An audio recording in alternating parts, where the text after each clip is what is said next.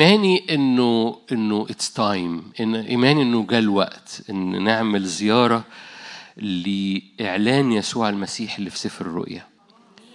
إيماني كده إنه في زيارة إنه في جاء الوقت نعمل زيارة لإعلان يسوع المسيح اللي في سفر الرؤيا. فهنمشي بس طبعا كالعادة مش هنزور سفر الرؤيا بالطريقة المعتادة. أكيد لو هنعملها بالطريقة المعتادة م- آم، وإيماني إن إحنا لما هنزور سفر الرؤيا هنزوره بال بال بالإدراك يعني هنمشي مع بعض بس لأن اجتماع السبت هو اجتماع عن العبادة فهيبقى بيغلب علينا في هذه الزيارة العبادة اللي حاصلة في سفر الرؤيا. مش هندرس العبادة يمكن مرة من المرات هندرس أنواع العبادة اللي كانت خارجة في سفر الرؤيا لأن العبادة في سفر الرؤيا متنوعة كل مرة كل مرة كانت تحصل عبادة كان بتبقى شكلها مختلف عن عبادة تانية هنبص مع بعض في مرة من المرات. فأنا مش هتكلم طول الوقت عن العبادة اللي حاصلة في سفر الرؤيا لكن هتكلم بروح العبادة وبروح ال ال ال الإعلان اللي مليان عبادة أو سجود في سفر الرؤيا للملك. أمين؟ مش هتكلم عن العبادة بس هتكلم في سفر الرؤيا هتكلم عن عن عن عن سفر هنمشي مع بعض في سفر الرؤيا مش إصحاح إصحاح مش آية آية لكن الروح الإعلان اللي شغالة في سفر الرؤيا مع بعض. أمين؟ متفقين؟ ليكوا نفس نزور سفر الرؤيا طيب تعالوا مع بعض نفتح سفر الرؤيا بصوا يعني سفر الرؤيا فيه آيات مشهورة وهبتدي فيها ببساطة ونعمل زيارة بسيطة ونعبد مع بعض ونحتفل مع بعض ون... هللويا. لأن سفر الرؤيا سفر ملوكي. رؤيا 19 عشان كده إحنا هنعمل زيارات في سفر الرؤيا مرة نتكلم عن السمات العامة في سفر الرؤيا مرة نتكلم عن كده يعني. فكل مرة إحنا نخش من حتة مختلفة لسفر الرؤيا بس أوعدك في الآخر هعدي على كل سفر الرؤيا. رؤيا 19 آية مشهورة جدا كلكم عارفينها. آخر جزء من آية عشرة. الملاك بيقول له كده أسجد لله. بيقول ليوحنا أسجد لله فإن شهادة يسوع هي روح النبوة. اسجد لله لأن يوحنا من كتر المهابة والتواجد حسه الروحي بقى رهيف جدا للمجد. حواسه الروحية عينيه وحواسه ومشاعره بقت رهيفة جدا للمجد. فلما تبقى حساس جدا للمجد. أي فتفوتة مجد بتجيب دموع لعينيك. أي فتفوتة مجد بتبقى عايزاك تعبد. أول ما تصطدم بفتفوتة مجد لما تكون متبلد محتاج مجد تقيل عشان تحس. لما تكون حساس فتفوتة المجد تجيبك الأرض. حد فاهم حاجة؟ بسبب ال- ال- ال- ال- الفوران ال- الحس الروحي في روح يوحنا من من بتواجده في المجد مخليه عايز يعبد طول الوقت فقرر إنه يسجد للملاك حد فاهم حاجة؟ فقالوا إيه بتعمل إيه؟ ما- أقرأ لكم الآية من الأول كده آية تسعة قال لي اكتب طوبى للمدعوين إلى عشاء عرس الخروف هذه هي أقوال الله الصادقة فخررت أمام رجلي لأسجد له قال لي انظر لا تفعل. وقف ستوب. أنا عبد معك ومع إخوتك الذين عندهم شهادة يسوع. أسجد لله. ممكن أكمل بس هقف عشان أكمل الجملة اللي إحنا قلناها. عود نفسك إنك تتواجد في المجد كل مرة علشان تبقى رهيف للمجد. مش محتاج ربنا دايما يتقل مجده عشان تحس بيه. حلو قوي إنك تبقى حساس للمجد حساس لحضوره وده معروض لكل حد فينا. معروض ليك وليا إنه تاتشات صغيرة همسات صغيرة آه، حد كان بيقول كده كنا بنحكي مع بعض عن سماع الصوت فكنا بنحكي مع بعض ف فقال لي أنا ما بسمعش الصوت. قلت له القصة مش سماع الصوت هو أنت مش محتاج تمييز عشان تميز صوته أنت محتاج تمييز عشان تميز هو عمال بيكلمك من كده ومن كده ومن كده ومن كده ومن كده وعمال بيكلمك بطرق متنوعة كثيرة كلها في المسيح يسوع. يسوع مش بيحاول يكلمك فبيزعق يسوع ساكن فيك فبيهمس. لو حد واقف بعيد عنك هيزعق. يا نادر! لكن لو هو جوايا مش محتاج مش محتاج ينادر. هيقول يا نادر. أنتوا هنا؟ اللي محتاج يزعق لك لاني لأني أنا اللي بعيد أو أنا اللي مدووش أو أنا اللي حواسي بقت سميكة. أول ما حواسك تبقى حساسة متعود على المجد متعود إنك تقعد قدام الرب متعود على التواصل. ففي عربية في مشوار بتتواصل بتصحى من النوم قبل ما تتحرك من سريرك بتتواصل. هذا التواصل بيزود الحس الروحي تبقى حواسك رهيفة. لصوته أو لسماعه أو للمساته ف... فتبقى عايز تعبد طول الوقت زي ما يوحنا كده ملاك هسجد. أنا بتلكك عشان أسجد. ليه؟ لأن أنا حواسي بقت رهيفة. ف ف تعود على إنك تبقى حواسك حساسة للمجد عشان همساته لما يهمس باسمك تقول له تكلم يا رب. أنتوا هنا؟ هو بيحبك جدا أكتر مما تتخيل. هو مش عايزك مش عايز ينادي عليك بصوت عالي. هو بيهمس حبه وعايزك تكون حساس جدا لحبه أو لصوته في كل لحظة.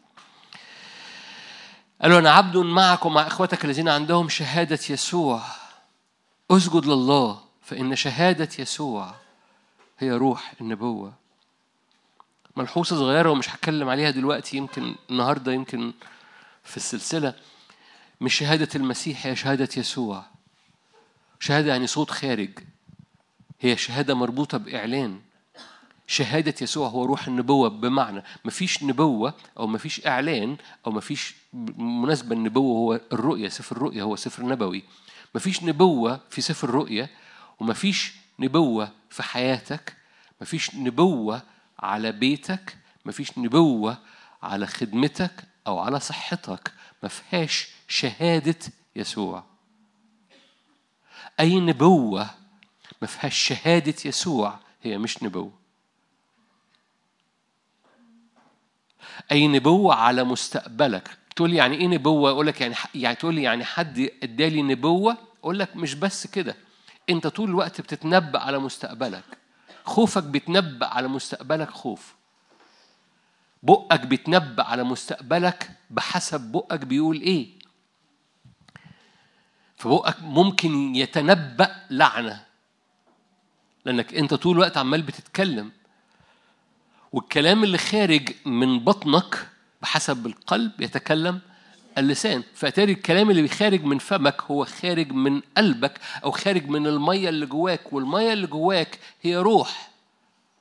فالروح اللي خارج بيخرج من فمك بكلام. فالروح اللي خارج لو الكلام اللي خارج بيلعن مستقبلك فانت بتتكلم بالروح عن مستقبلك نبوة. أي نبوة ما فيهاش شهادة يسوع. مش معدية بالفلتر بتاع الفادي. أنا هستعمل كلمة الفادي النهارده شوية. أي فلتر أي كلام أي نبوة خارجة من فمك مش معدية بفلتر الفادي هي مش نبوة لا تقبل لأن النبوة هي هي شهادة يسوع المسيح هي روح النبوة. كل إعلان نبوي كل سفر الرؤيا هي شهادة يسوع المسيح مش شهادة الوحش مش شهادة الخوف مش شهادة التنين مش شهادة اللي هيحصل وهيتنكت وهيتضرب وهيصروا على أسنانهم.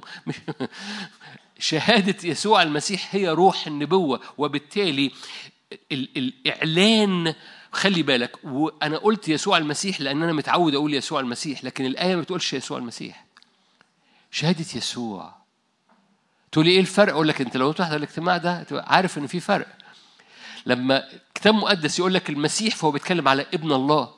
لما يتكلم عن يسوع هو بيتكلم على ابن الإنسان. لما يتكلم يسوع المسيح هو ابن الله ابن الإنسان. لاهوته لم يفارق ناسوته لحظة ولا طرفة عين. هو طول الوقت يسوع المسيح. هو ابن الإنسان. هو ابن الله المتجسد. بس خلي بالك ارجع معايا تاني. مش بالصدفة إن بيقول دي شهادة يسوع. شهادة الله المتجسد هي روح النبوة. تقول يعني إيه شهادة الله المتجسد؟ يعني شهادة الله الذي جاء في الجسد، يعني شهادة الله اللي فيك. يسوع المسيح فيكم رجاء المجد، شهادة يسوع فيك، شهادة المسيح فيك هي شهادة يسوع اللي هي روح النبوة. مرة تاني لا تقبل نبوة على حياتك لا تعلن ولا تمجد الله فيك. لا تقبل نبوة على حياتك جاية من براك أو جاية بتترمي على أفكارك أو جاية بتترمي على مشاعرك أو خارجة من بقك أنت لا تقبل نبوة على حياتك لا تشهد عن وجود الله فيك. عارفين إحنا كده لغينا إيه؟ لغينا أي حاجة ضد الرجاء.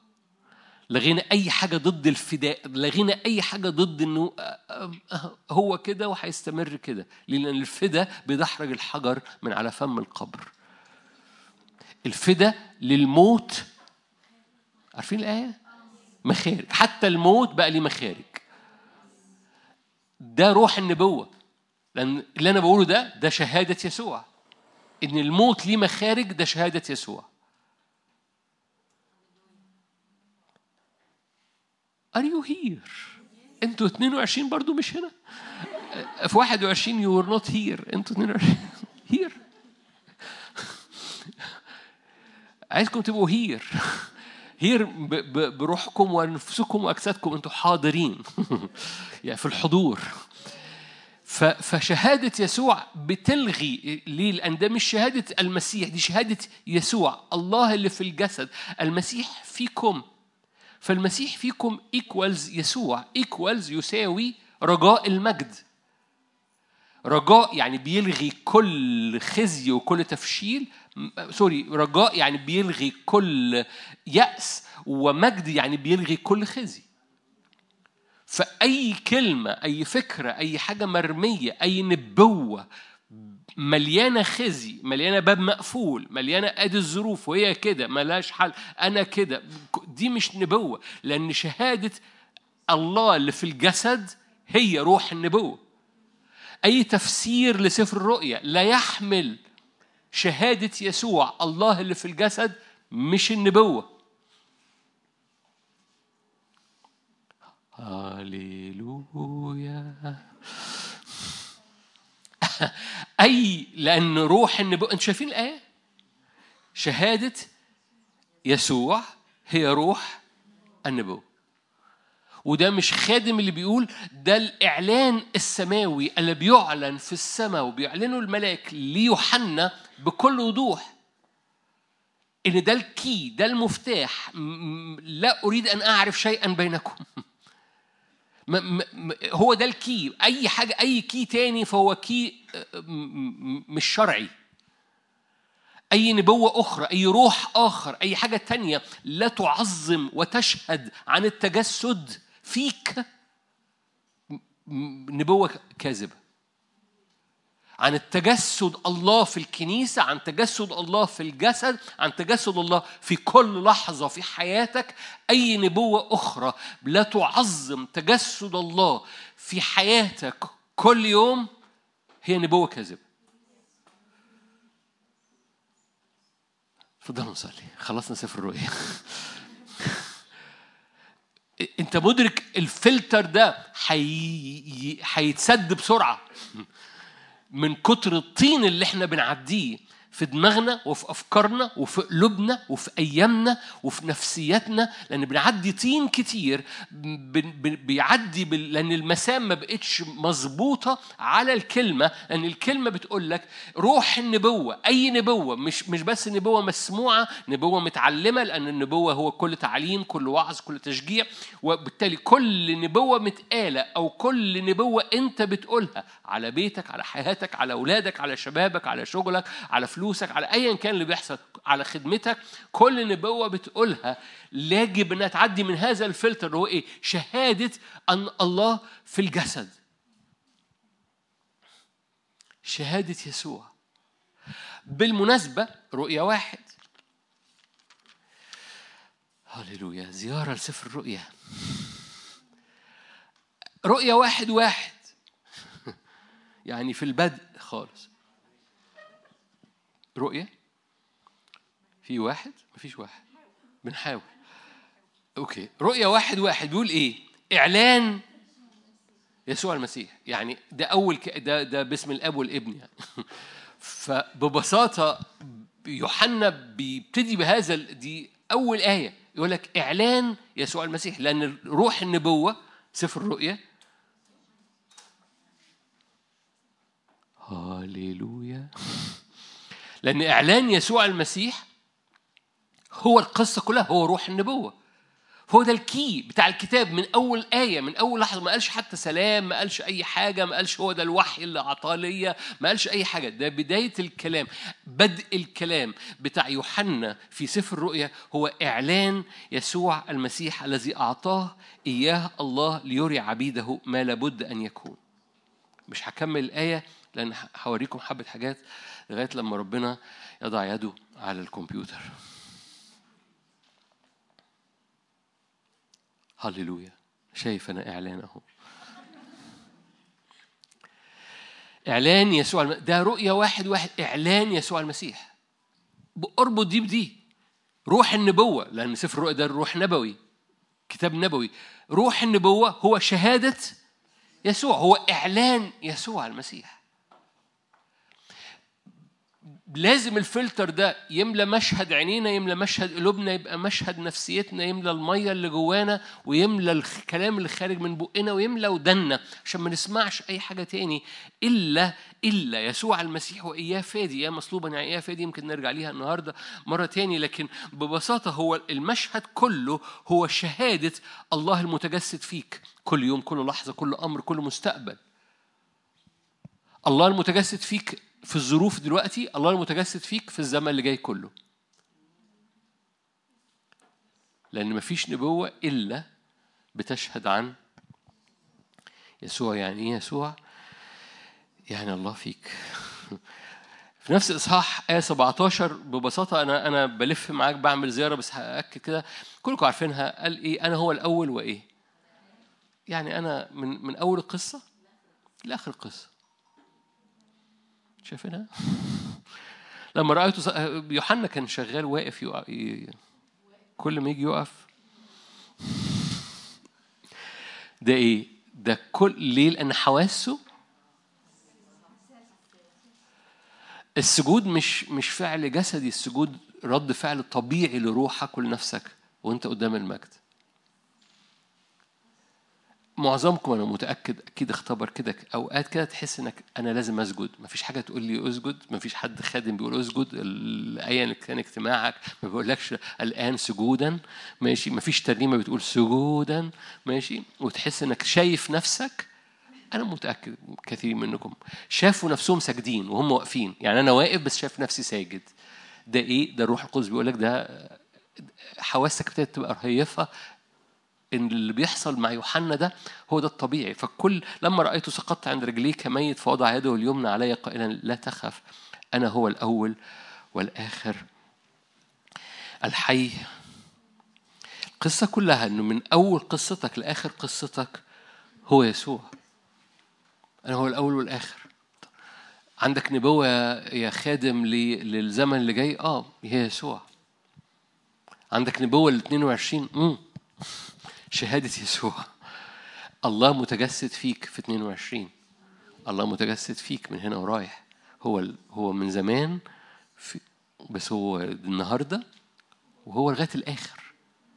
هي دي شهادة يسوع المسيح. شهادة يسوع. ده إعلان يسوع المسيح. بس روح النبوة هي شهادة يسوع.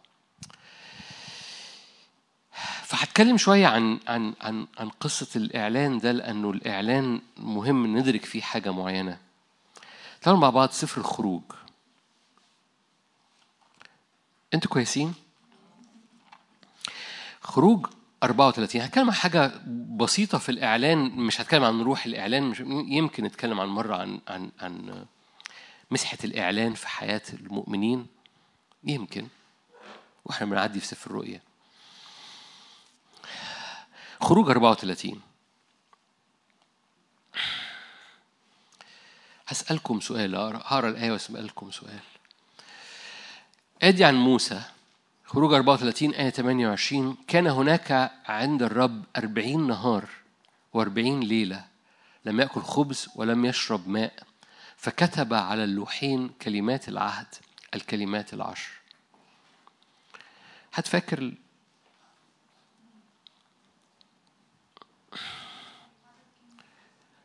آه أنا آسف ما قلتش. خروج 34 28 كان هناك عند الرب موسى كان هناك عند الرب أربعين نهار وأربعين ليلة لم يأكل خبز ولم يشرب ماء.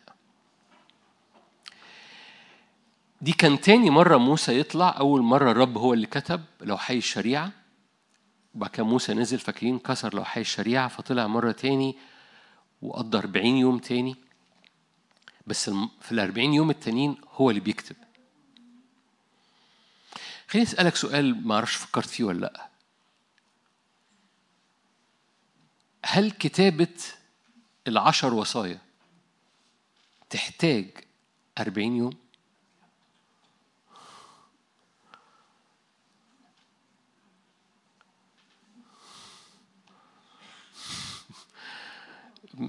متهيألي أخذ وقت طويل قوي عشان يكتب العشر وصايا في أربعين يوم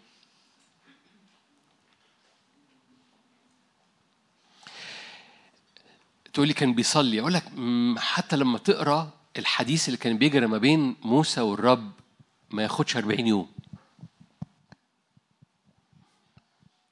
يعني حصل حديث ما بين موسى والرب السيناريو ما ياخدش 40 يوم والكتابة ما تاخدش 40 يوم. أول مرة طلع وقعد 40 يوم والرب اللي كتب. أكيد ربنا يقول لو تاني مرة موسى اللي بيكتب فهياخد منه شوية وقت. بس أول مرة الرب هو اللي كتب باصبعه فقعد 40 يوم موسى قدام الرب. أكيد مش الرب عمال بيكتب لمدة 40 يوم. والسيناريو اللي حصل ما بين موسى والرب ما خدش 40 يوم. وتاني مرة قام طلع وموسى هو اللي كتب. يعني يمكن هو آه اللي دقدق شوية ماشي بس أخذ 40 يوم تاني. إيه اللي أنا عايز أقوله؟ اللي أنا عايز أقوله ببساطة طبعا ممكن يبقى في في إجابات أخرى بس ده الإجابة اللي جوايا أو النور اللي نور جوايا وأنا بصلي من أجل السلسلة دي من من بدري ربنا قال لي في 22 لازم تتكلم عن سفر الرؤيا. والمبدأ اللي أنا بقوله ده مش مبدأ مربوط بسفر الرؤيا مبدأ مربوط بصورة عامة في كتاب مقدس هوريك إزاي وهوريك من حتت يمكن مش معتادة علينا إنه لما ربنا بيسكب إعلان هو عايزك تقعد قدام الإعلان وتتشبع بيه عشان تفهم قلب الله في كل إعلان. إيماني إيماني إيماني إن الأربعين يوم ما كانوش عشان موسى يقعد يكتب وما كانوش عشان موسى عمال بيصلي لمدة أربعين يوم وربنا عمال بيتكلم معاه لمدة 40 يوم. القصة إن موسى قدام الرب عمال الإعلان بتاع الرب عمال بيخش جوه كل خلية فيه. وموسى بيبقى موسى بيبقى الإعلان والإعلان بيبقى موسى. شهادة يسوع بتبقى أنت وأنت بتبقى شهادة يسوع. تكونون حلوين أهو. بالمناسبة كلمة شهود هي في الكلمة اليوناني وكلكم سمعتوني بقول هذا التعبير قبل كده هي هي نفس كلمة استشهاد. بمعنى إيه؟ إنه هو اتملوا اتملوا اتملوا اتملوا اتملوا بيسوع. هي شهادة يسوع. هو الصوت اللي خارج. الله المتجسد فيك. دي مش جملة تسمعها في الوعظة دي أنت محتاج تنقي حتة جميلة في بيتكم كده وتقوم رامي نفسك على الأرض زي ما يوحنا كان بيسقط عند رجليه طول الوقت ماشي؟ وتقعد قدام الرب تقول لي أنا قاعد بصلي أقول لك مش شرط بتصلي يعني عمال تتكلم لكن روحك قدام الرب بتتنقع في الإعلان. ما كانش محتاج أربعين يوم عشان يكتب حتى لو هو احتاج أربعين ربنا ما كانش محتاج أربعين يوم عشان يكتب عشر وصايا. والحديث اللي كان ما بين موسى والرب ما ياخدش 40 يوم. بس القصة إن موسى اتنقع في الإعلان بتاع الرب لمدة 40 يوم عشان كده لما نزل المرة الثانية بعد ما هو كتب هو اللي كتب كان جلد وجهه صار يلمع. أكيد سمعتوني بقولها قبل كده. أول أربعين يوم لما موسى نزل جلد وجهه لم يكن يلمع. لما نزل المرة الثانية جلد وجهه صار يلمع. وإيماني إيماني الشخصي إن تاني مرة جلد وجهه صار يلمع لأن تاني مرة هو اللي كتب.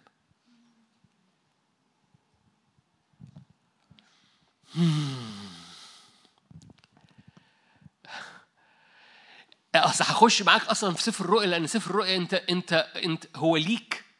سفر الرؤيا مش لأمور قديمة في في أو أمور جاية وح... أنا قلت هقول لكم أمور قديمة يعني. إيه مش بس لأمور يعني عن الوحش والمش عارف إيه هو ده اللي إحنا عارفينه عن سفر الرؤيا. الوحش والتنين والسبع رؤوس والبوق وال القصة مش كده خالص. يعني فيها الحاجات دي بس القصة مش كده خالص. عشان كده روح النبوة هي شهادة يسوع. عشان كده لازم تتنقع لأنه زي ما هتكتشف بعد شوية ما كانش قصد الرب في سفر الرؤيا إن كل نشغل بيه. هو الوحش أبو سبع رؤوس. القصة كلها الله تجسد فيك. القصة كلها الله تجسد فيك والعبادة اللي هتخرج منك بروح النبوة ده اللي هو الله بقى في الجسد. فيا الله اللي في الجسد ده بيملاني. إزاي الله بيأتي في الجسد ويملاني؟ الإعلان. الإعلان هو اللي بيغير طبيعتك زي ما غير موسى من رجل بيقتل المصري إلى رجل حليم جدا. ما كانش فيه في الأرض رجل مثله مليان هذا هذا طول الأناة والوداعة والغفران وهو اتغيرت طبيعته. ليه؟ لأنه بقى شهادة يسوع. إيه اللي خلاه بقى شهادة يسوع؟ إن لو حي الشريعة ما مكتوبين بقوا طبيعته. هو بقى شهادة يسوع فبقى بيلمع. فتنقع في الإعلان. تقول لي إيه حلو قوي فهمت التأمل اقلب على اللي وراه. ده مش تأمل ومش هقلب على اللي وراه. أنا بشاركك علشان تفهم إن كل حاجة أو عشان كلنا. دخلت في حتة كده. أوكي. إيه، أنا بشاركك علشان تدرك انه قصة مثلا التجسد الله بقى فيا دي مش جملة تسمعها في وعظة مش جملة تسمعها في وعظة دي حاجة لازم تقعد قدامها 40 يوم. تقعد روحك قدام الرب بتتكلم وبتسمع أو ساكت بس روحك منطرحة قدام هذا النور لغاية لما جلد وجهك يلمع بالإعلان ده. مرة تاني ما كانش محتاج 40 يوم عشان يكتب 10 جمل. لا تزني. واحدة منهم ما خدتش منه. ما كانش محتاج 40 يوم و40 ليلة. بس ال 40 يوم و40 ليلة كانوا مليين شغل. الشغل ده كان إيه؟ هو كان بيتنقع في الإعلان.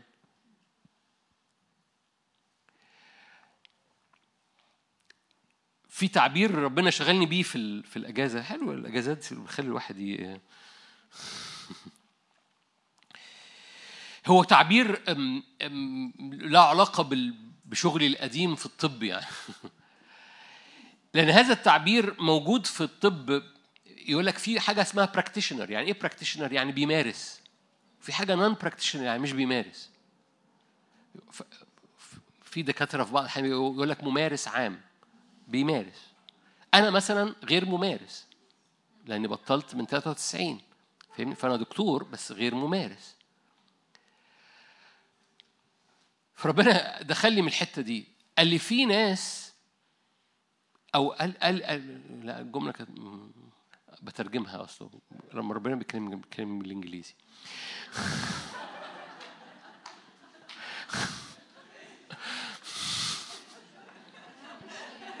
يا رب سامحهم وما يقصدوش.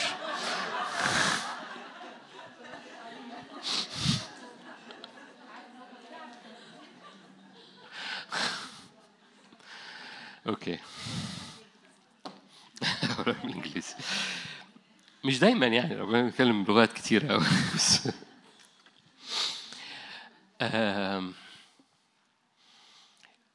إنه زمن الممارسين.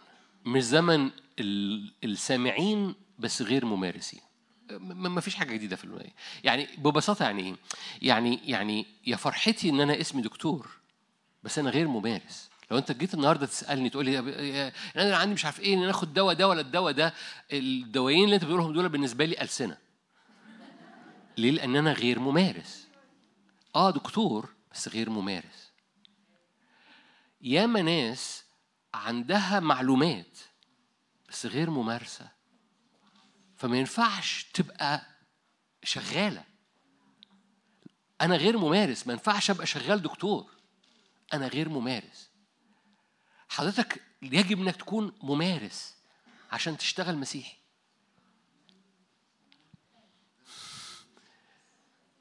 مش بالاسم ومش بالمعلومات ومش بآخر تأمل آه التأمل ده حلو قوي شجعني حلو قوي عايز تبقى ممارس لازم تتنقع في الإعلان. عشان لما تتنقع في الإعلان بتبقى ممارس بتبقى براكتيشنر عامل practice practitioner شغال ممارس. الجملة أنا لسه ما قلتلكوش الجملة.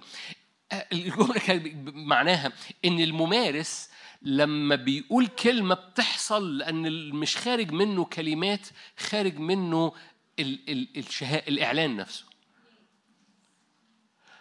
فالاعلان جاي من من هقول لك المعنى عمليا بالنسبة لك إيه. لما ما يبقاش في مسافة ما بين صلاتك والاستجابة لو أنت ممارس. لو أنت practitioner لو أنت ممارس ممارس للإعلان يعني إيه؟ منقوع في الإعلان ومليان بيه. لو انت مش سامع وناسي بلغة يعقوب لكن سامع وبتقعد 40 يوم في الاعلان رب قال يهوى رفا حلو قوي. يهوى رفا هي يهوى رفا اشفيني يهوى رفا okay ما حصلش شفاء. okay مش اقلب. ده مش practitioner ال practitioner يهوى رفا أنا هتنقع. لغاية لما كل خلية فيا مش محتاجة شفاء تتملي بيهوى رفا فلما احتاج شفاء لما احتاج شفاء واقول يهوى رفا هتفهم أنا مش محتاج شفاء بس أنا بتنقع في يهوى رفا أديكم مثل تاني okay أديكم مثل كتابي تاني. آه سفر العدد. أنتوا كويسين؟ سفر العدد. اصحاح تسعة. برضو قصة كلنا عارفينها بس سفر العدد اصحاح تسعة. اقرا آية واحدة عشان ال... في سفر العدد اصحاح تسعة ده فيه الشاهد المشهور بتاع السحابة وهم ماشيين تحت السحابة ولو السحابة باتت يوم بيباتوا يوم لو السحابة باتت شهر بيباتوا شهر. فاكرين القصة دي؟ أوكي. أقرأ حبة الآية آية 17 متى ارتفعت السحابة عن الخيمة كان بعد ذلك بنو إسرائيل يرتحلون في المكان حيث حلت السحابة هناك كان بنو إسرائيل ينزلون. آية 18 حسب قول الرب كان بنو إسرائيل يرتحلون حسب قول الرب كانوا ينزلون. جميع أيام حلول السحابة على المسكن كانوا ينزلون. إذا تمادت السحابة على المسكن أياما كثيرة كان بنو إسرائيل يحرسون حراسة الرب ولا يرتحلون. إذا كانت السحابة أياما خلي بالك هو يكونش بيكرر؟ ما خدتوش بالكم إنه بيكرر. اقراها مرة تاني؟ مش معقول.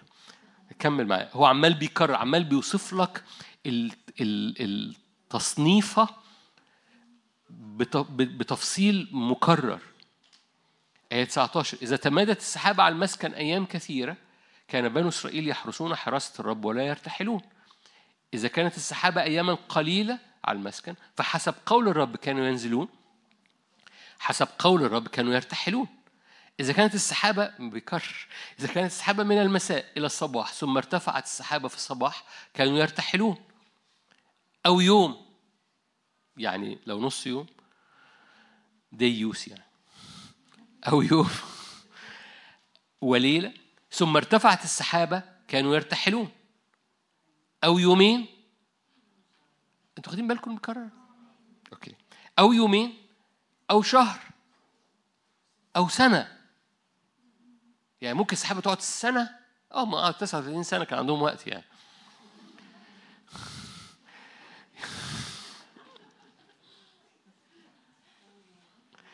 أو يومين أو شهر أو سنة حتى تمادت السحابة على المسكن حالة عليه كان بنو إسرائيل ينزلون ولا يرتحلون ومتى ارتفعت كانوا يرتحلون. طيب هو ليه السحابة كانت في بعض الأحيان تقعد يومين؟ خلي الآية دي هي الفل. أو ليه في بعض الأحيان كانت تقعد شهر؟ أو ليه في بعض الأحيان كانت تقعد سنة؟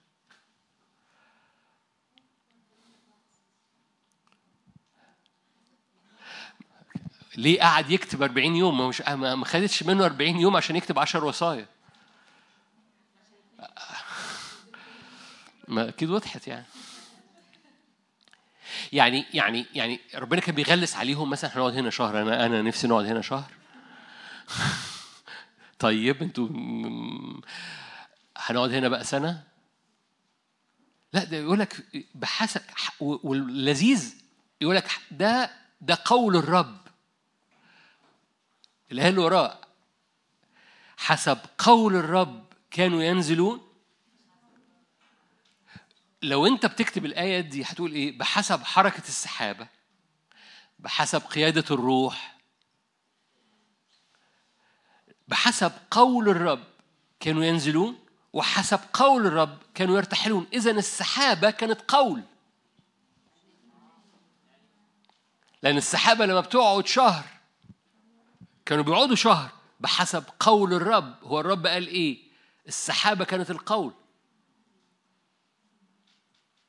بحسب قول الرب لما تقعد السحابة يومين okay. تقعد السحابة شهر okay. تقعد السحابة سنة حتى okay. وبحسب قول الرب كانوا ينزلون حسب قول الرب كانوا يرتحلون. إدراكي لو ممكن نلعبها في مرة إدراكي في بعض الأحيان إن القصة كلها لأن كل حركتهم في في في في سينا كانت متحركة بقصة السحابة دي. إن كل مرة كان رب يعلن حاجة في مسه ومريبة كان بيعلن حاجة في يهوى رفا لما جبنا سيرة رفا لما رفا كان بيعلن حاجة فكان بيقعدهم في الإعلان وبحسب استقبالهم للإعلان بيقعدوا.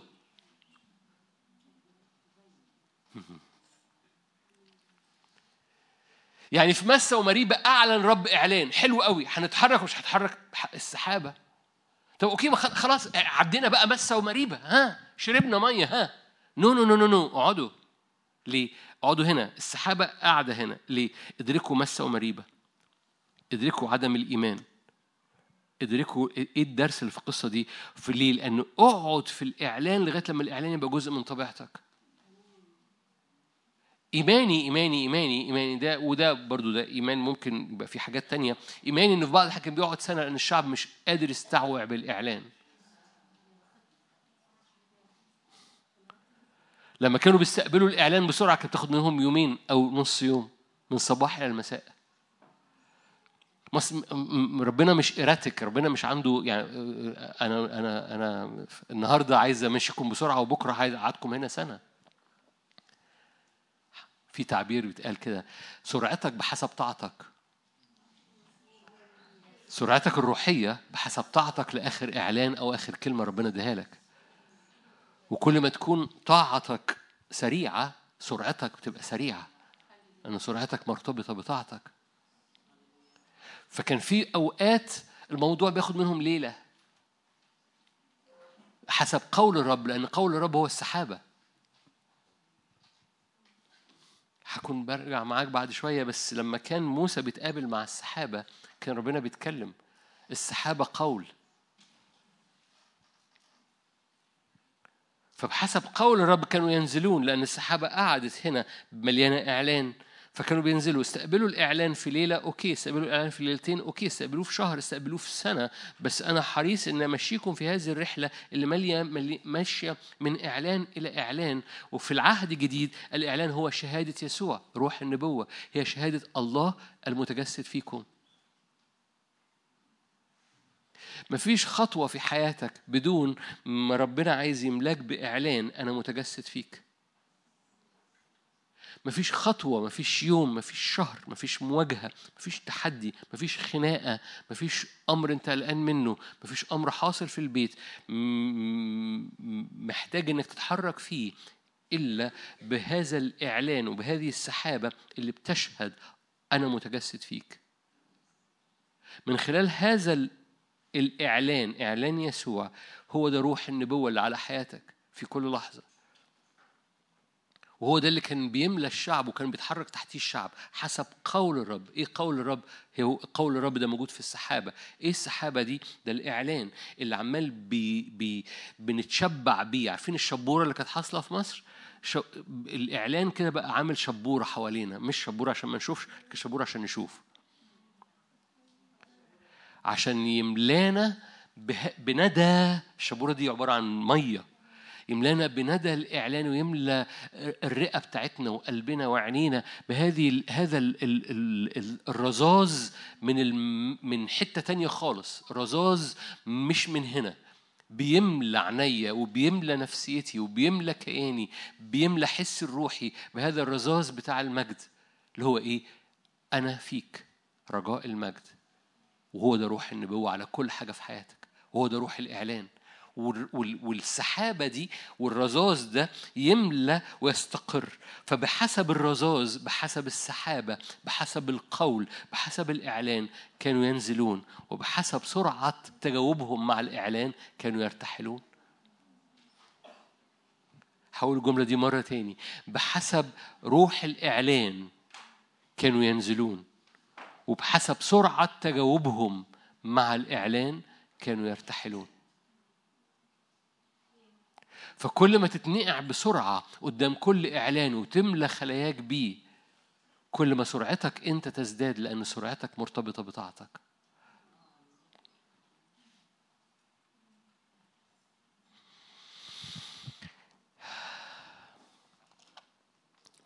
بطرس الثانية. بطرس الثانية.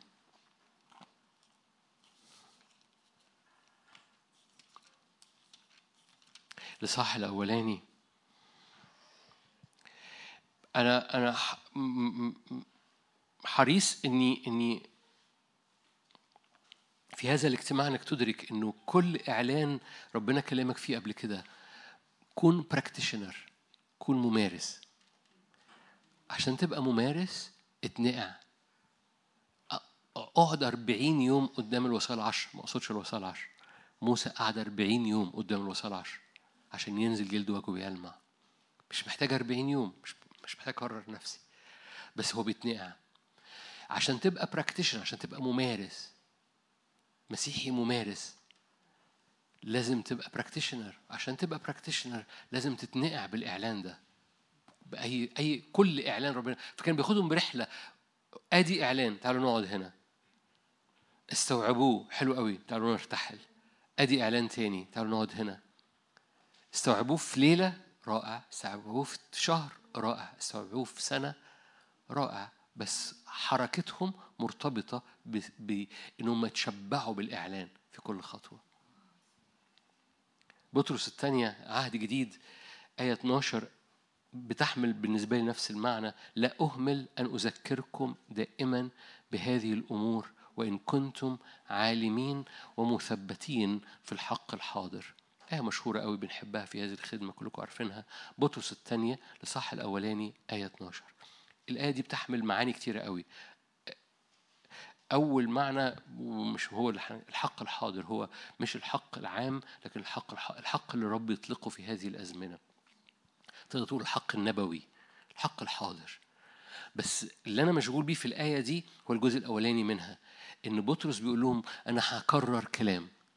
لا أهمل أن أذكركم بأمور أنتوا عارفينها. لا أهمل أن أذكركم بهذه الأمور وإن كنتم عالمين ومثبتين.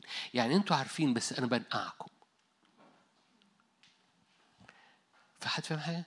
أنتوا أنتوا عارفين بس أنا بنقعكم. حلو الموضوع النقع ده. إيه أخبار النقع عندكم في البيت؟ إيه أخبار النقع؟ إنك تتنقع كده في قدامه. إيه أخبار ال ال الإدراك بتاع ده؟ لأنه القصة مربوطة جدا ب يعني خليني أ... سفر الرؤيا رؤيا واحد.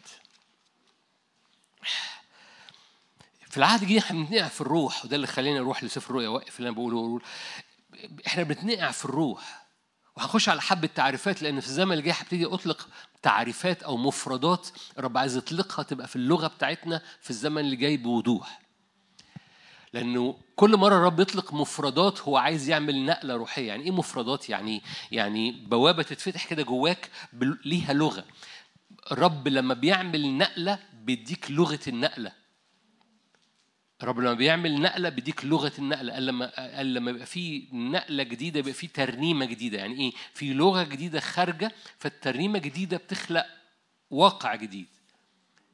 عشان كده دايما حتى يبقى في ترنيمة جديدة الناس تبقى ترنيمة جديدة. هي القصة كلها إن الترنيمة لو فيها فيها الموسيقى والكلمات اللي فيها إعلان بتقوم عاملة بوابة. فكل نقلة روحية بتحمل لغة روحية بتاعت النقلة دي.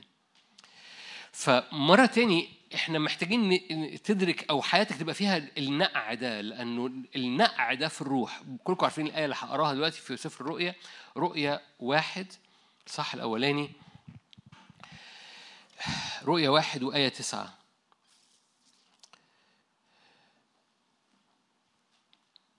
أنا يوحنا أخوكم شريككم في الضيقة في ملكوت يسوع المسيح وصبره كنت في الجزيرة التي تدعى بطمس من أجل كلمة الله من أجل شهادة يسوع المسيح كنت فين؟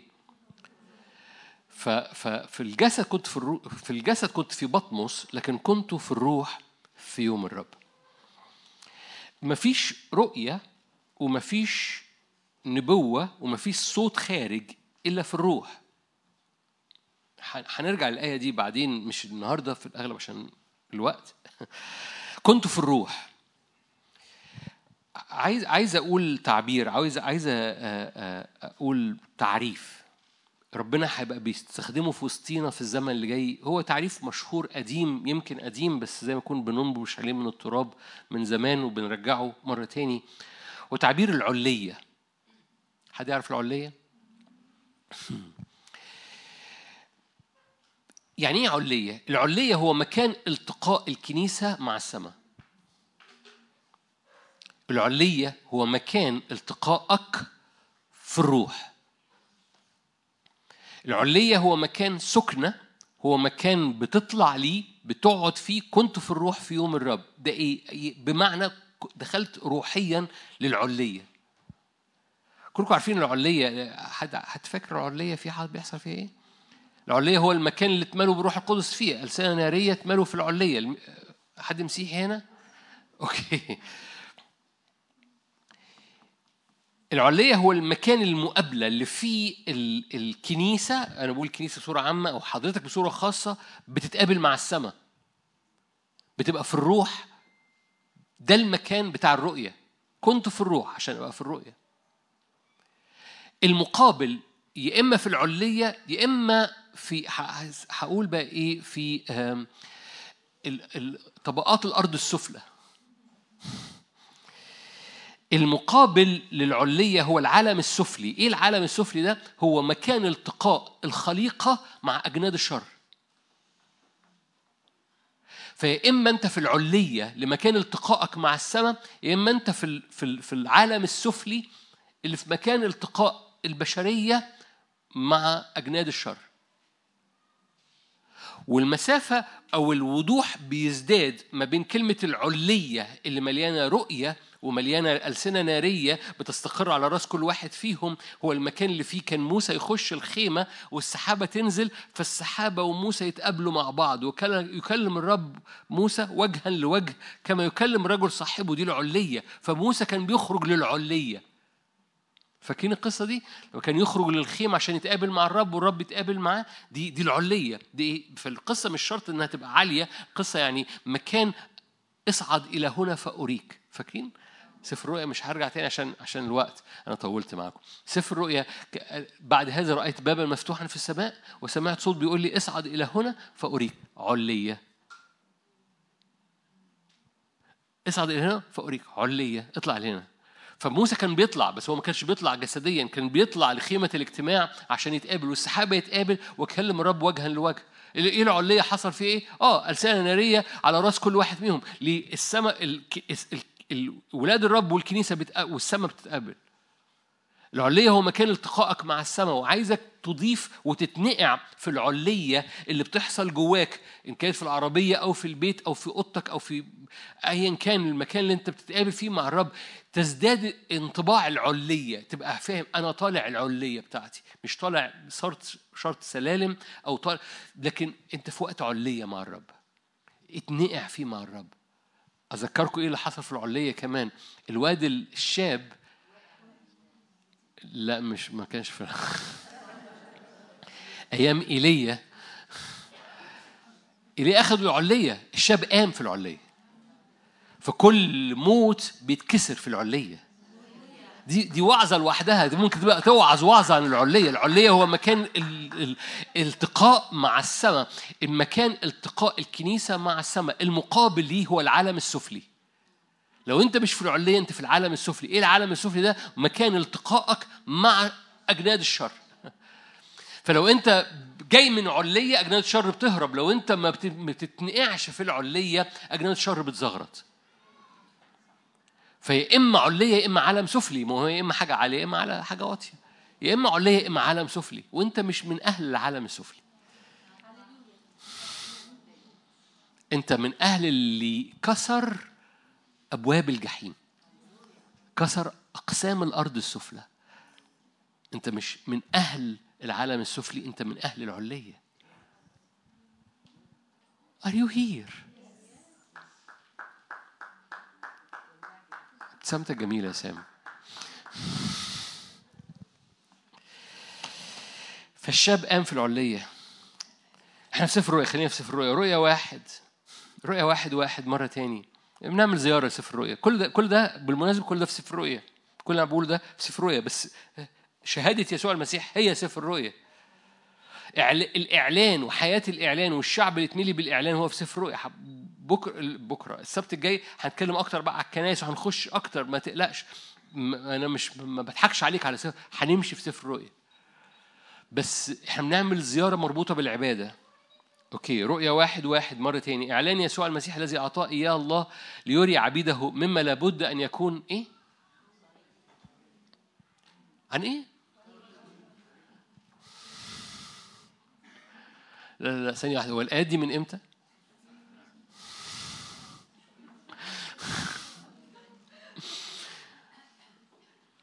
حد مسيحي حد بيقرأ كتاب مقدس؟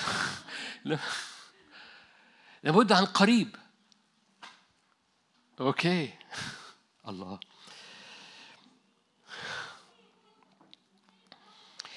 مقاصد الرب. مقاصد الرب.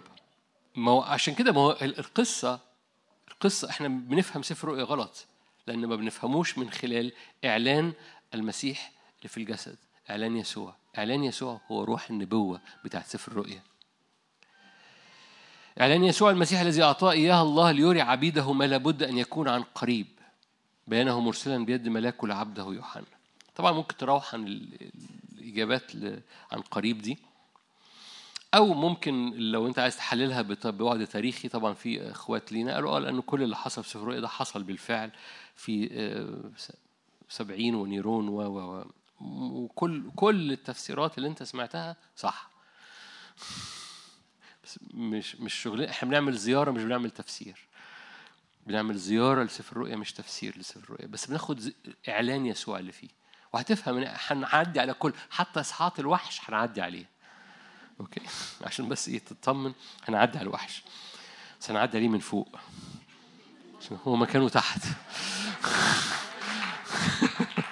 مش هنعدي عليه. بص بص بص. هو هدف يسوع يقول لك لو شاطر تفهم هو ده روح النبوة. عارفينه في حقوق لما قالوا عارفين حقوق لما قال أنا على مرصدي أقف لأراقب لأرى ماذا يقول لي؟ عارفين الايه دي؟ بتكلم عن الرؤية. الرؤية بعد. إلى ميعاد تأتي ايثان ولا تتأخر عن قريب.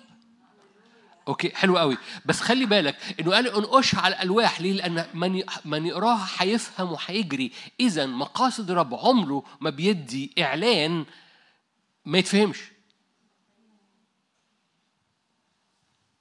الإعلان بيبقى واضح. لو الإعلان مش واضح يبقى يبقى مش وقته. لو الإعلان مش واضح عشان أكون يعني عايز أتكلم لاهوتيا في بعض الأحيان الرب إدى إعلانات لدانيال وقال له اقفل عليها دي مش هتفهمها دلوقتي. أوكي؟ ف... فعشان نبقى يعني آه متفقين. ففي حاجات رب يقول لك دي مقفولة مش دلوقتي. يبقى دي مش دلوقتي. يبقى ما تفهمهاش دلوقتي. هو بيقول لك ما تفهمهاش دلوقتي.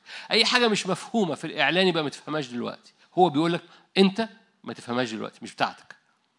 قال لدانيال دي مش بتاعتك ما تفهمهاش دلوقتي. هياتي وقت تفهمها. okay. اذا كل حاجة مفهومة okay. عيد عيد صياغة الجملة. اذا مقاصد الرب إن الإعلان يبقى مفهوم. أنا مش هديك إعلان مش عايزك تفهمه. طب إحنا مش فاهمين الوحش. ما تفهمش الوحش يبقى مش هو اللي الرب عايز يقوله لك. هنرجع هنحكي ما تقلقش أنا مش بتكلم عن الوحش وكده أنا بتكلم بصورة عامة يعني. التنانين واللي خارج من البحر واللي خارج. أوكي كل حاجة هنحكي فيها وهنخش في الإصحاح واللي أنت مش فاهمه ربنا مش عايز يقوله لك. هو خاتم عليه. هو مش مش هو النبوة. لأن روح النبوة هي إيه؟ إعلان يسوع المتجسد. آه. روح النبوة هو إيه؟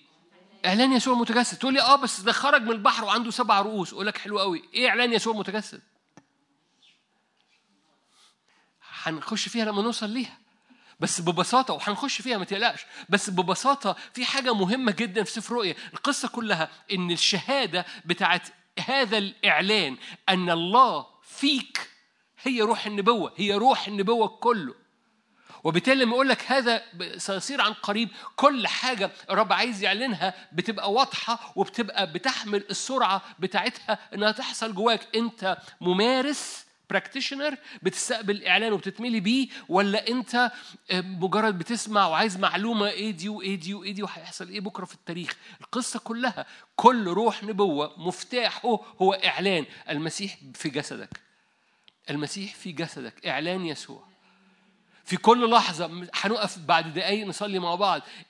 الإعلان ليك النهارده المسيح في جسدك اتنقع فيه.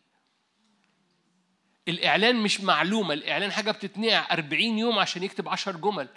سنة أو شهر أو ليلة لغاية لما السحابة الإعلان اللي فيها الشعب يتشبع بيه.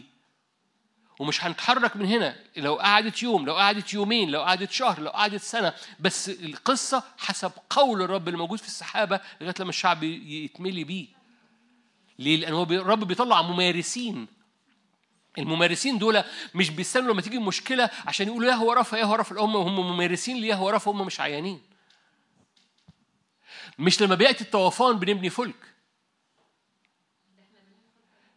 مش لما بياتي الطو... مش هنلحق. لو جت طوفان مش هنلحق نبني فلك. إحنا بنبني فلك بحسب قول الرب وإعلان الفلك يملانا والدنيا صحراء هتفهم حاجة؟ نوح بنى الفلك مش في في في, في المينا. ما بناش الفلك على البحر الأحمر ما بناش الفلك في اسكندرية. بنى الفلك في الصحراء. ما بنبنيش الفلك لما الطوفان يجي بنبني الفلك قبل ما الطوفان يجي بحسب قول الرب. وقول الرب ده اتملى الإعلان واتملى الإعلان واتملى إيه الإعلان ده؟ فلك الإعلان فلك. فلما يأتي الطوفان أنا مش بدور على على كلمة. الإعلان تجسد. الفلك بقى موجود.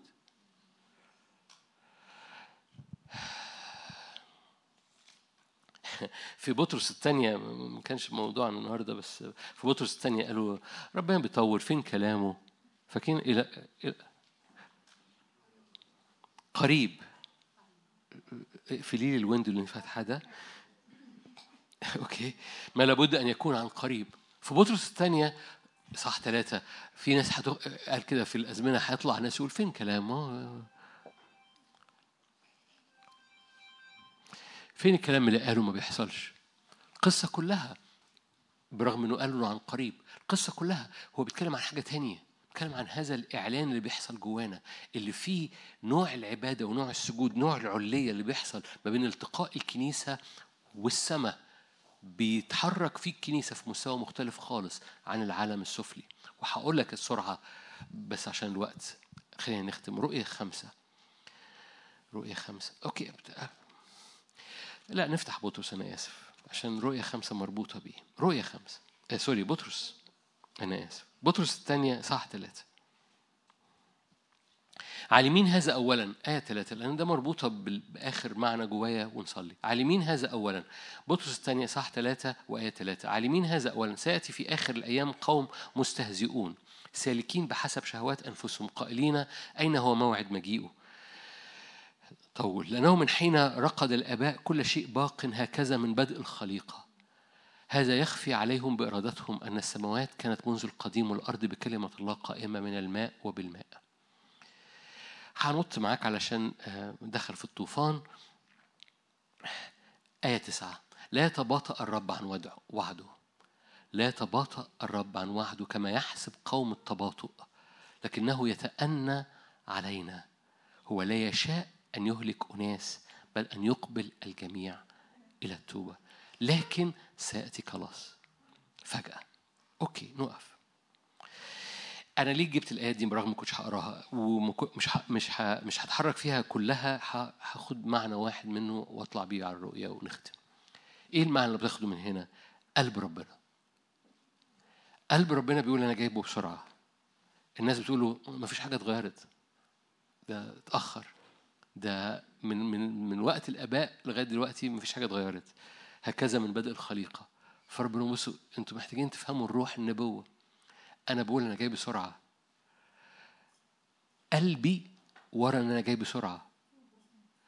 لكني لا أريد أن يهلك أحد. قلبي أنا عن قريب. بس أنت مفيش حاجة هتغير. على مدار السنين من الآباء لغاية دلوقتي هي هي هي. أين موعد مجيئه؟ من حين رقد الآباء كل شيء باق هكذا من بدء الخليقة. أنتوا مش فاهمين روح النبوة. روح النبوة هو قلبي وقلبي لا أريد أن يهلك أحد لا يتباطأ الرب عن وعده يتأنى لأنه لا يشاء أن يهلك أناس بل أن يقبل الجميع إلى التوبة. عشان كده مرة تاني وبختم سفر الرؤيا هرجع ليه. سفر الرؤيا وإصحاح خمسة وهختم. مركزية سفر الرؤيا إن في جالس على العرش.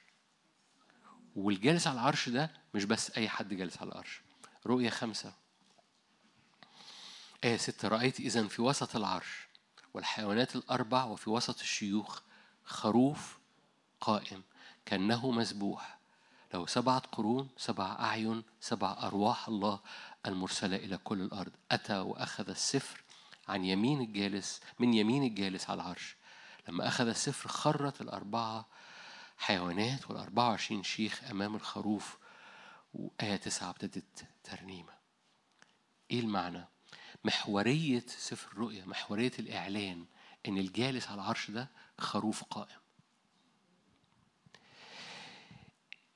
هقول لك جملة كتبتها لأنه كانت جوايا وأنا بصلي.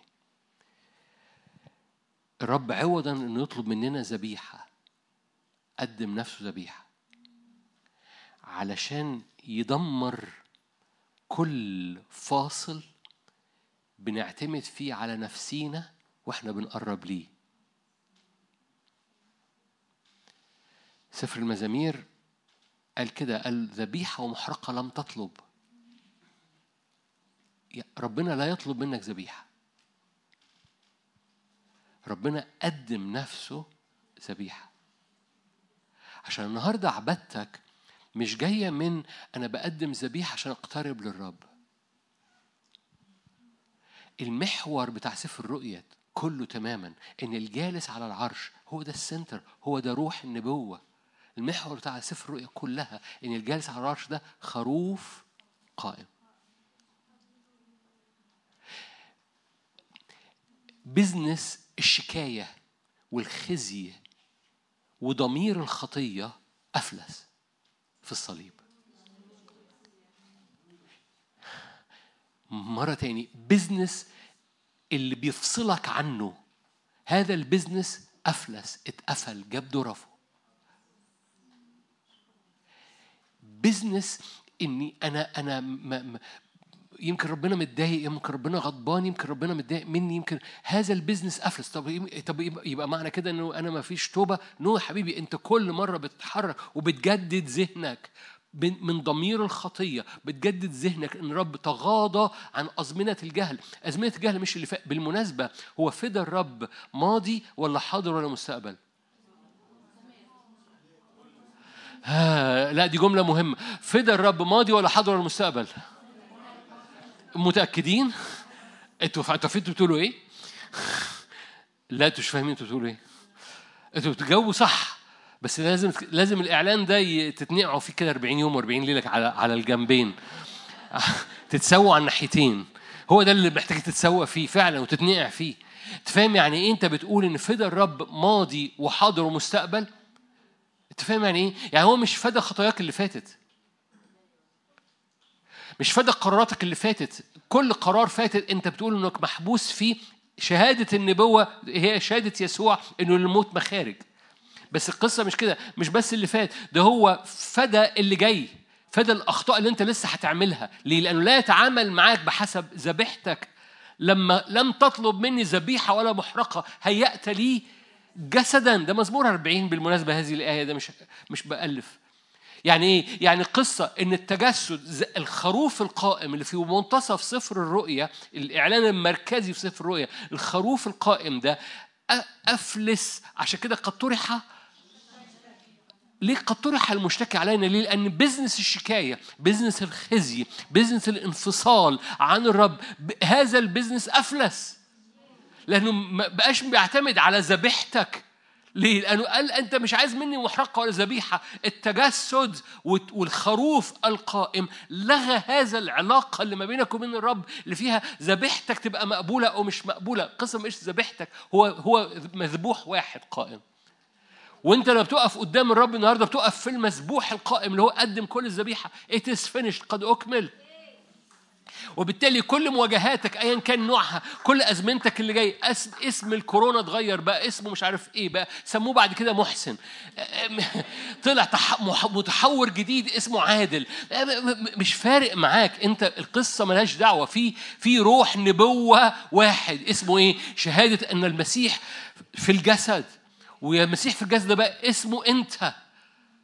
ليه؟ لأنه مش بيطلب منك ذبيحة ومحرقة هو بيطلب منك هذا الإعلان بتاع التجسد هو اللي يملاك. business إنك أنا أنا مش عارف ربنا أنا متلخبط في ربنا أنا مش عارف. هذا ال business اللي فيه انفصال هذا ال business اللي فيه شكاية أو خزي أو ضمير خطية. ضمير خطية. ضمير بيفكر طول الوقت طب أنا مقصر؟ طب طب إيه؟ طب هيحصل إيه؟ طب مش عارف إيه. هذا ال business قفل. قفل أفلس. لو أنت بترجع ليه أنت بترجع ليه باختيارك عشان تعيش في حالة تدين يهودي مش بتعيش في حالة حياة يسوعية. لأن حياة يسوعية هي روح النبوة وروح النبوة هو سفر الرؤيا. وزي ما هتشوف كل حتة حتى في الإصحاحات الصعبة في سفر الرؤيا هي مش صعبة على الإطلاق. لأن القصة كلها روح النبوة في الإصحاحات الصعبة هو شهادة المسيح في الجسد. وبالتالي انت ما بتبقاش قلقان. هحكي أنا الوقت سحب مننا عشان عملنا مقدمة طويلة. لكن ما تبقاش القصة في كل لحظة. هو الأول وهو النهارده وهو الآخر. هو هو فادي فادي فادي اللي فات فادي النهارده فادي اللي جاي وفادي يعني بيوقف كل تأثيرات سلبية بيوقف كل حاجز ما بينك وبينه. هو أصلا إنك بتجدد عينيك وترفع عينك ليه هو ده التوبة اللي هو محتاجها. مش محتاج توبة ذبيحة لأن الذبيحة أي ذبيحة تقدمها مش بتتوبك. الذبيحة الوحيدة اللي أنت بتقدمها إنك تقدم شفاه معترفة وتقدم قلب ساجد وبيعلن ملكه. هو دي الذبيحة اللي أنت بتقدمها بتقدم حياتك للرب لأن هو بالفعل من إن مات واحد فقد مات الجميع. ويسوع قدم ذبيحة كاملة عن كل حد فينا. it's finished قد أكمل. فببساطة هذا ال business بتاع ضمير الخطية ضمير الشكاية ضمير اللعنة ضمير هيباركني ولا حي... هذا الضمير اتلغى في المسيح يسوع. ليه؟ لأن الجالس في منتصف في مركزية سفر الرؤيا هو خروف قائم. كل حاجة بتتسجد قدامه كل حاجة بتنحني قدامه. قد طرح المشتكي علينا. هم غلبوه. أمين. عشان الوقت هنقف هنا. القصة القصة في سفر الرؤيا إن سفر الرؤيا عبارة عن حالة حياة في العلية مستمرة السماء بتتقابل مع الكنيسة والكنيسة بتتقابل مع السماء. ألسنة نارية بتستقر على راس كل واحد فيهم لأنه بيطلع كائن غريب جدا كائن غريب جدا. مش اللي هو حضرتك وحضرتك هذا الكائن مش شايف غير يسوع الخروف القائم اللي لغى وأفلس ضمير الخطية والشكاية والخزي والقلق والخوف والإضطراب والمرض والحزن واللي حاصل في الأرض ده بتطلع للعلية وتستقر النار عليك استقر النار عليك يستقر عليك روح الإعلان إيه روح الإعلان؟ شهادة اسمها إيه؟ يسوع يعني إيه؟ الله في الجسد الله الآن الله متجسد تقول لي أنا في الشغل وشغلي صعب جدا أنا في البيت وعندي تحديات ضخمة. تقول لي أنا أمور المادية تقول لي أنا الأبواب اللي حاصلة. أيا كان النوع. في حاجة في حاجة واحدة. في روح نبوي بيغطي كل حياتك. ماضي وحاضر ومستقبل. شهادة يسوع. الله في جسدك. لغى المسافة. أفلس ضمير الخطية. تقدر تجري عليه بحرية تقدر تعبده بحرية تقدر لو جاز التعبير ما اقصدش بصورة جسدية تفتح صدرك وراء الرب وتثق فيه. لا تطرحوا ثقتكم. لا مجازاة عظيمة. آمين. تعالوا نصلي مع بعض.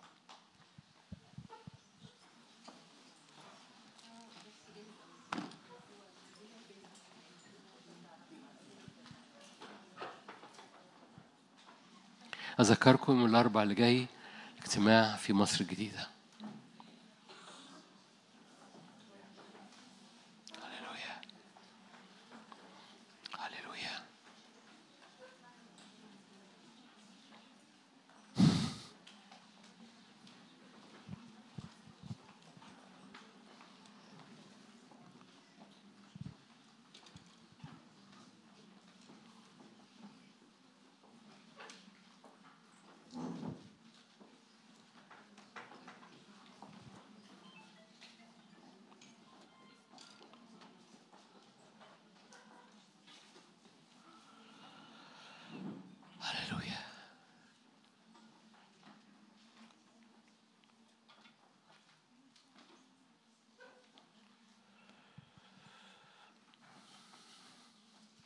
حي هو الرب اللي إحنا واقفين قدامه.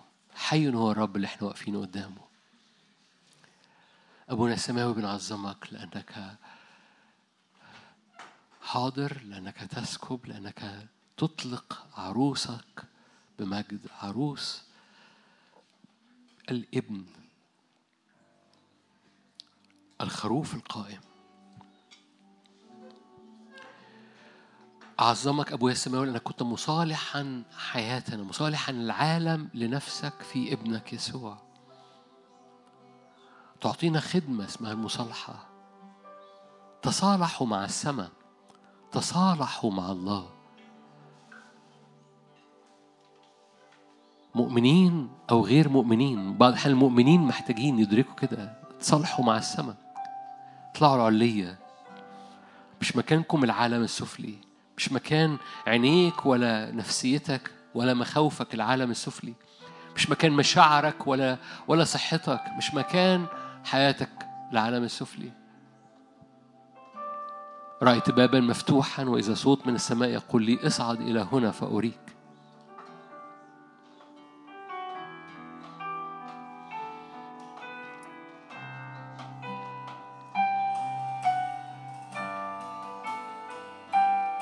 أشكرك. اعلن كده معايا في القاعة أو في البيت اعلن إنك متصالح مع السماء. مش لأنك مش بمجهودك مش بسبب إنك اعلن إنك العلية هو المكان التقائك بالسماء التقاء الكنيسة بالسماء.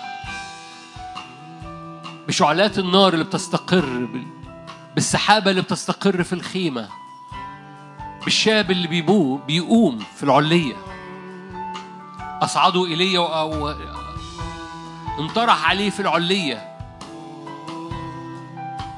مكان التقاء الكنيسة بالسماء والعلية. هللويا. متصالح مع السماء. ارفع إيدك. اعلني. ارفع إيدك في البيت. متصالح مع السماء. أنا برجع بقلبي رجوعا. رجوعا يعني إيه؟ بت بت بت بترجع بعينيك مرة تاني لفوق. قلبك بيترفع لفوق. لو انت اول مرة بتحضر الاجتماع ده جاي مع المدام جاي مع جوزك جاية مع ارفع قلبك معانا لفوق. لو انت بتتفرج الآن ارفع قلبك لفوق. تصالح مع الله لأن الرب تصالح معاه كان الله مصالحا العالم لنفسه في ابنه يسوع. أعطانا حاجة اسمها المصالحة. تصالحوا مع الله. صالح مع ربنا. رب قدم نفسه ذبيحة. هللويا. كل آلام كل أوجاع كل أمور بيتية كل أمور أسرية كل أمور في حياتك. هللويا. قول أنا واقف بصالح أرضي مع السماء. صالح نفسيتي مع السماء. هللويا.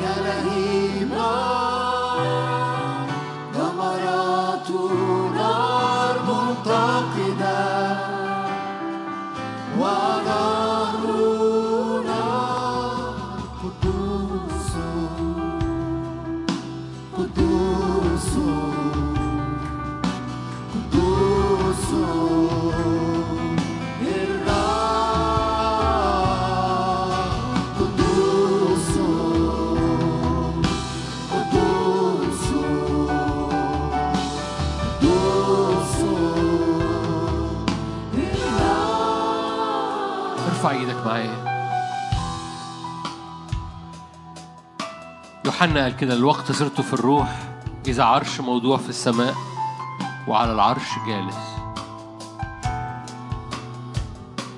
حوالين العرش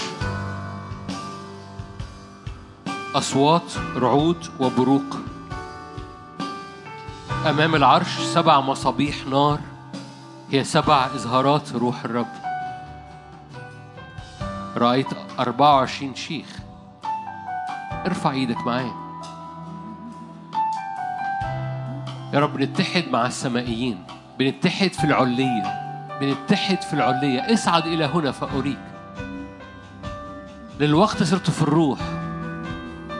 ورأيت العرش وعلى العرش جالس. إذا عرش موضوع في السماء. رب يطلع الشعب من أول من أول سفر الرؤيا شعب عابد شعب واقف قدام العرش. بيطلع هذا الإعلان. إن يسوع لغى المسافة لأن يسوع هو الله في الجسد يسوع لغى المسافة. أي مسافة ما بينك وما بين القوة أي مسافة ما بينك وبين النعمة رب عايز ينقعك في هذا الحضور عايز ينقعك في العلية.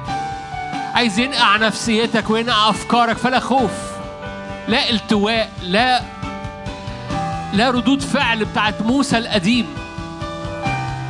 بيلغي بيلغي المسافة. أول حاجة في سفر الرؤيا أول حاجة في سفر الرؤيا رأيت العرش ورأيت الجالس على العرش. أصوات رعود وبروق والجالس على العرش خروف قائم. أربع كائنات. سبع إظهارات الروح القدس. ودخلت في النار. هللويا. أبويا السماوي انقعنا املى حواسنا املى حواسنا. صلي معايا هذه الطلبة قول له املى حواسي بحضورك. املى حواس عينيا املى حواس نفسيتي. املى حواس قلبي بإدراك حضورك إدراك العرش. تخلينيش أمشي في السقية خليني أدرك في اللحظة إنك أنت فيا وأنا في العلية. يسوع نزل لأقسام الأرض السفلى عشان ياخدك معاه للعلية. لما بتقول له أنت فيا بمعنى كده إنك هو بياخدك للعلية. لما بتقول له أنت فيا يسوع فيا أنت بتعلن إيمانك إنه بياخدك للعلية. العلية إمكانيات السماء. فوأنت رافع إيدك يسوع فيك يسوع فيك. بياخدك للعلية والعلية هي إمكانيات السماء. مرة تاني أنا هكرر. عايزك تبقى ممارس. ممارس. اكتبها جواك. اكتبها جوا روح قلبك. يسوع فيا. بياخدني للعلية. يسوع فيا. بياخدني للعلية. بيرفعني للعلية. اصعد إلى هنا. فاختبر إمكانيات السماء. اختبر إمكانيات السماء. لو الأرض تحت رجليك بتنهار يسوع صخرة رجليك. لو الأجواء اللي حواليك مليانة إزعاج يسوع ستارة في الحر. يسوع ظل صخرة في أرض معيية. قول أنا بستخبى فيك. بستخبى فيك باسم يسوع.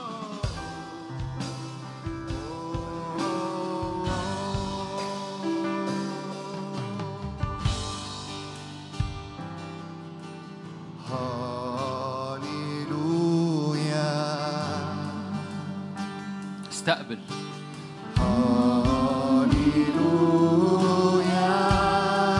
أنت رب الكل. إيه.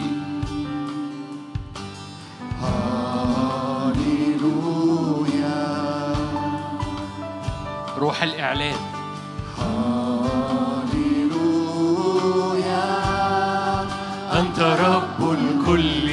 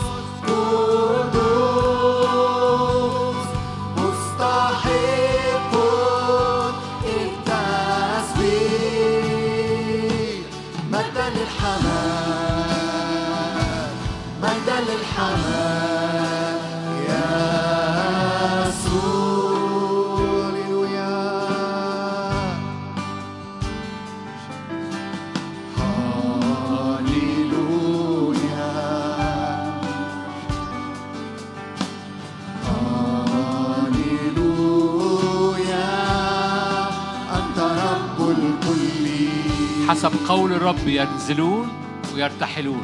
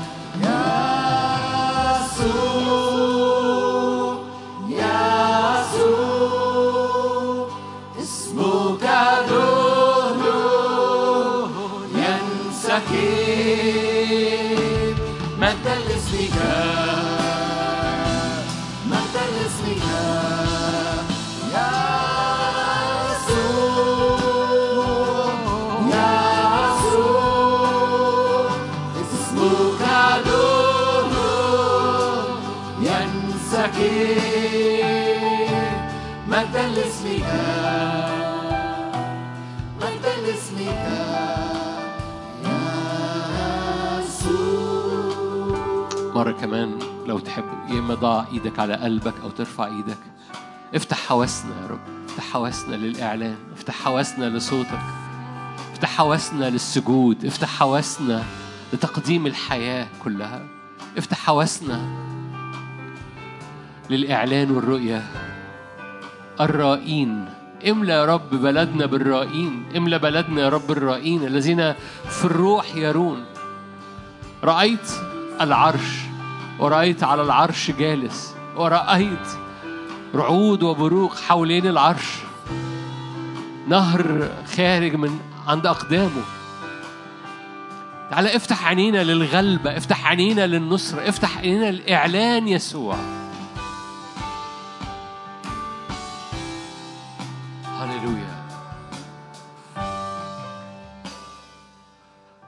تعالوا نرفع ايدينا مع بعض. المسيح فيا يطلق يسوع كل يوم. المسيح هو النهارده. المسيح هو كل لحظة. هو النهارده. إعلان المسيح هو يسوع فيا.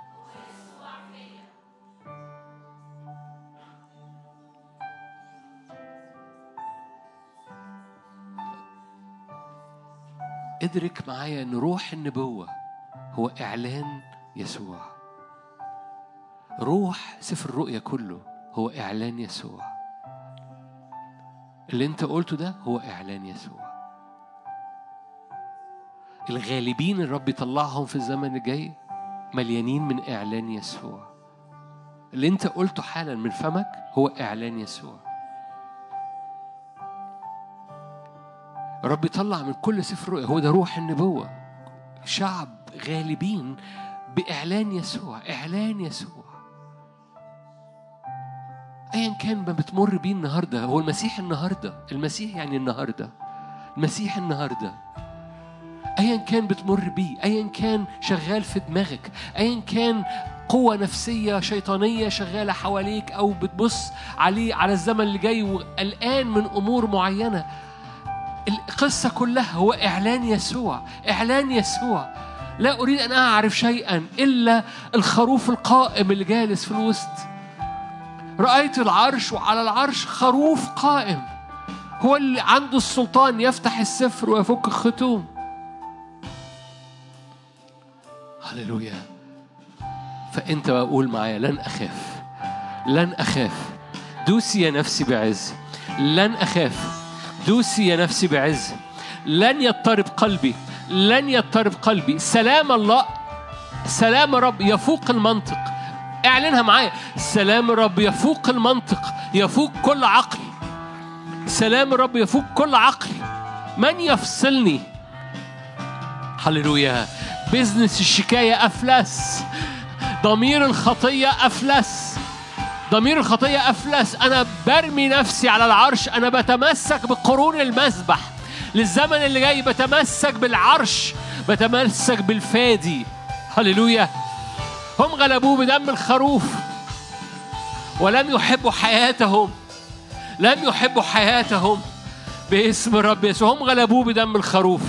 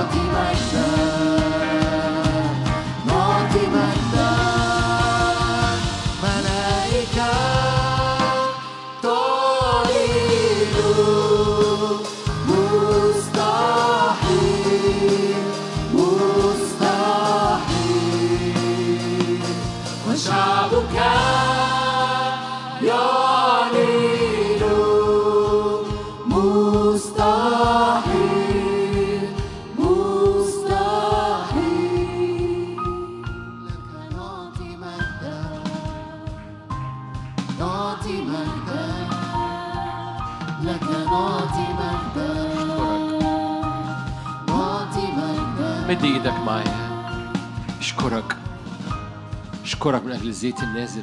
في نهاية هذا الاجتماع في نهاية هذا الاجتماع استقبل زيت نازل من عرش النعمة. هللويا. زيت ملوكي. أرى شعب بيدوس برجليه على أزمنة على حياة وعقارب وكل قوة لن يضروا شيء. أرى شعب لا يخاف. أرى شعب مش مضطرب تحت رجليه في إيه؟ لأنه ناظر إلى أزمنة وناظر إلى مجد وناظر إلى حقول قد ابيضت الحصاد فبيمد رجليه. مش مهم هو هيدوس على إيه. لو رجليه داست على مية هيمشي على المية. لو رجليه داست على نار مش هتلسعه. لو رجليه داست على حياة وعقارب هيدوس الحياة والعقارب. مش فارق تحت رجليه في إيه. أرى شعب بيتحرك ناظر رئيس الإيمان ومكمله. ناظر إلى وجه يسوع. مش فارق معاه تحت رجليه في إيه لأن الرب هيعد كل حاجة. تحت هو واثق تماما إن حتى لأن لما اتكل ولما اهتم الأرض تحت رجليه دابت الأرض تحت رجليه ما بقتش الصلبه لكن لما تثق في الرب الرب صخرة رجليك الرب صخرة عبورك البحر صخرة عبورك النار صخرة إنك تتمشى معاك في أتون النار الرب فاعبر بإيمان. لا تطرح ثقتك. أرى شعب بيدوس لقدام بثقة غير عادية لأنه بيعبر بيعبر بيعبر غالبين. في جيش خارج غالبين. عروس بتلمع. واللي بيلمعها النار وبيلمعها الإعلان وبيلمعها التواجد قدام الرب في العلية. أزمة علية مجد أزمة علية ومقابلات مع السماء وإمكانيات السماء. تملى كيانك باسم الرب يسوع. فمد إيدك معايا مرة كمان. ادهنا دهن طري يا رب. ادهنا دهن دهنة طرية دهنة جديدة باسم الرب يسوع. هللويا. أي حد محتاج شفاء في اختبار جماعي للشفاء في اختبار جماعي للشفاء. فأقول يا رب مرضي أنا برميه الآن. مرضي أنا برميه الآن. مرضي أنا برميه تحت رجليك في العرش. مرض- مرضي أنا برميه لأنه مفيش لا يفصلني الآن عن الشفاء شيء لا يفصلني الآن عن يهوى رفا شيء أنا مش مستني المرض عشان أصلي من أجل الشفاء. يهوى رفا هو الرب الساكن فيا. يهوى رفا هو الرب الساكن فيا. أنا مش مستني المرض عشان أصلي من أجل الشفاء. يهوى رفا هو الساكن فيا. فأنا برمي مرضي تحت رجلين العرش. برمي حزني تحت رجلين العرش. برمي التعب اللي حاصل جوه نفسيتي تحت رجلين العرش. هللويا. لأن في نهر نار خارج من عند العرش. هذه النار بتحرق وبتقدس. فأنا برمي تعبي. عند رجلين اختبار جماعي اختبار جماعي اختبار جماعي. الكل اختبار جماعي. ما تستناش أي شيء الآن. من يفصلك؟ اختبار جماعي باسم الرب يسوع. كل سلاسل على القلب. كل سلاسل تقل على القلب. ارميها. مجرد حطها عند رجلين العرش. باسم الرب يسوع. هللويا. باسم الرب يسوع. تذوب الجبال. تذوب الجبال قدام الرب. هللويا. هللويا هللويا كما يذوب الشمع في النار. باسم الرب يسوع هللويا لو تحب ترفع إيدك مهم المهم يكون في إدراك إنك واقف قدام العرش. باسم يسوع. كل شوشرة في أجواءك. كل حركة لأجناد شر. العلية فوق أجناد الشر. العلية فوق أجناد الشر. اعلن سيادة في أجواءك بدم يسوع. اعلن سيادة في أجواءك بدم يسوع. كل قوة نفسانية شغالة على دماغك زي الدبان كده إله الذباب بعل زبوب باسم رب يسوع. نار الرب روح القدس تقدس أجواءك تقدس أجواء أفكارك وذهنك. سلام سلام سلام سلام يقول الرب. سلام للقريب وللبعيد وسأشفيه. سلام الرب يفوق كل عقل. إله السلام يسحق الشيطان تحت أرجلكم سريعا. باسم الرب سلام لذهنك. أسوار تقع حصون تقع. عينين مش شايفة غير سواد هذا السواد يقع. عينين مش شايفة غير أبواب مقفولة هذه الأبواب للموت مخارج هذه الأبواب تقع. باسم رب يسوع. مجد الرب يملى للموت مخارج. الليل مثل النهار يضيء. باسم الرب يسوع. هللويا. هللويا. قبل ما نختم بترنيمة ضع رجليك على أعناق الزمن اللي فات. ضع رجليك على أعناق مضايقيك هللويا. قول لا قول كده. دوسي يا نفسي بعز. دوسي يا نفسي بعز في اسم الرب يسوع. هللويا.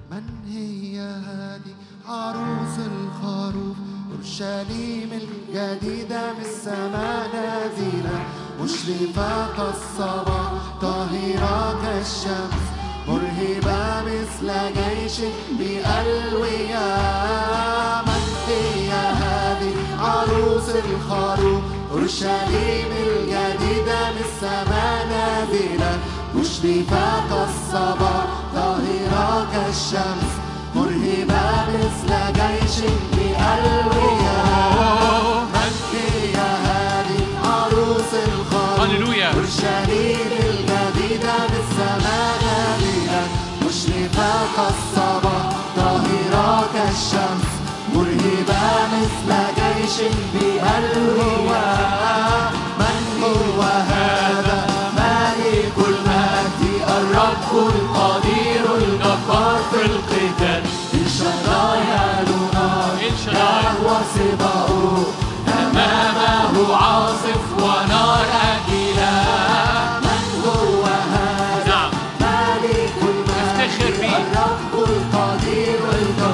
في القتال الشرايا نار يهوى سباؤه أمامه عاصف ونار نعمة نعمة نعمة من هي هذه عروس الخروف أورشليم الجديدة بالسماء نازلة مشرفة كالصباح طاهرة كالشمس مرهبة مثل جيش هذه عروس الخروج أورشليم الجديدة من السماء. نازلة. مشرفة كالصباح طاهرة كالشمس مرهبة مثل جيش من هو؟ من هو هذا؟ ملك المجد الرب القدير.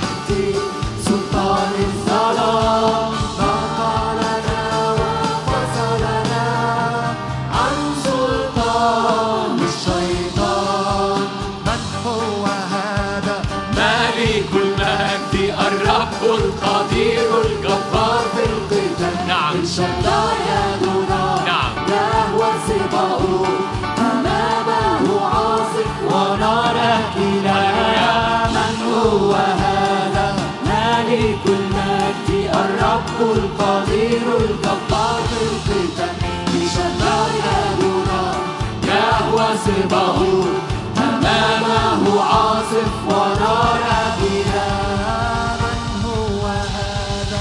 مالك المجد الرب القدير الجبار في القتال.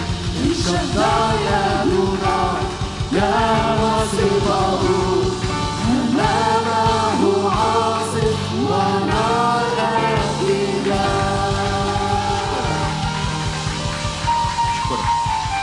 اشكرك ابويا السماوي بتطلع شعب بتطلع شعب مليان إعلان بتطلع شعب مليان رؤية بتطلع شعب مليان إعلان يسوع.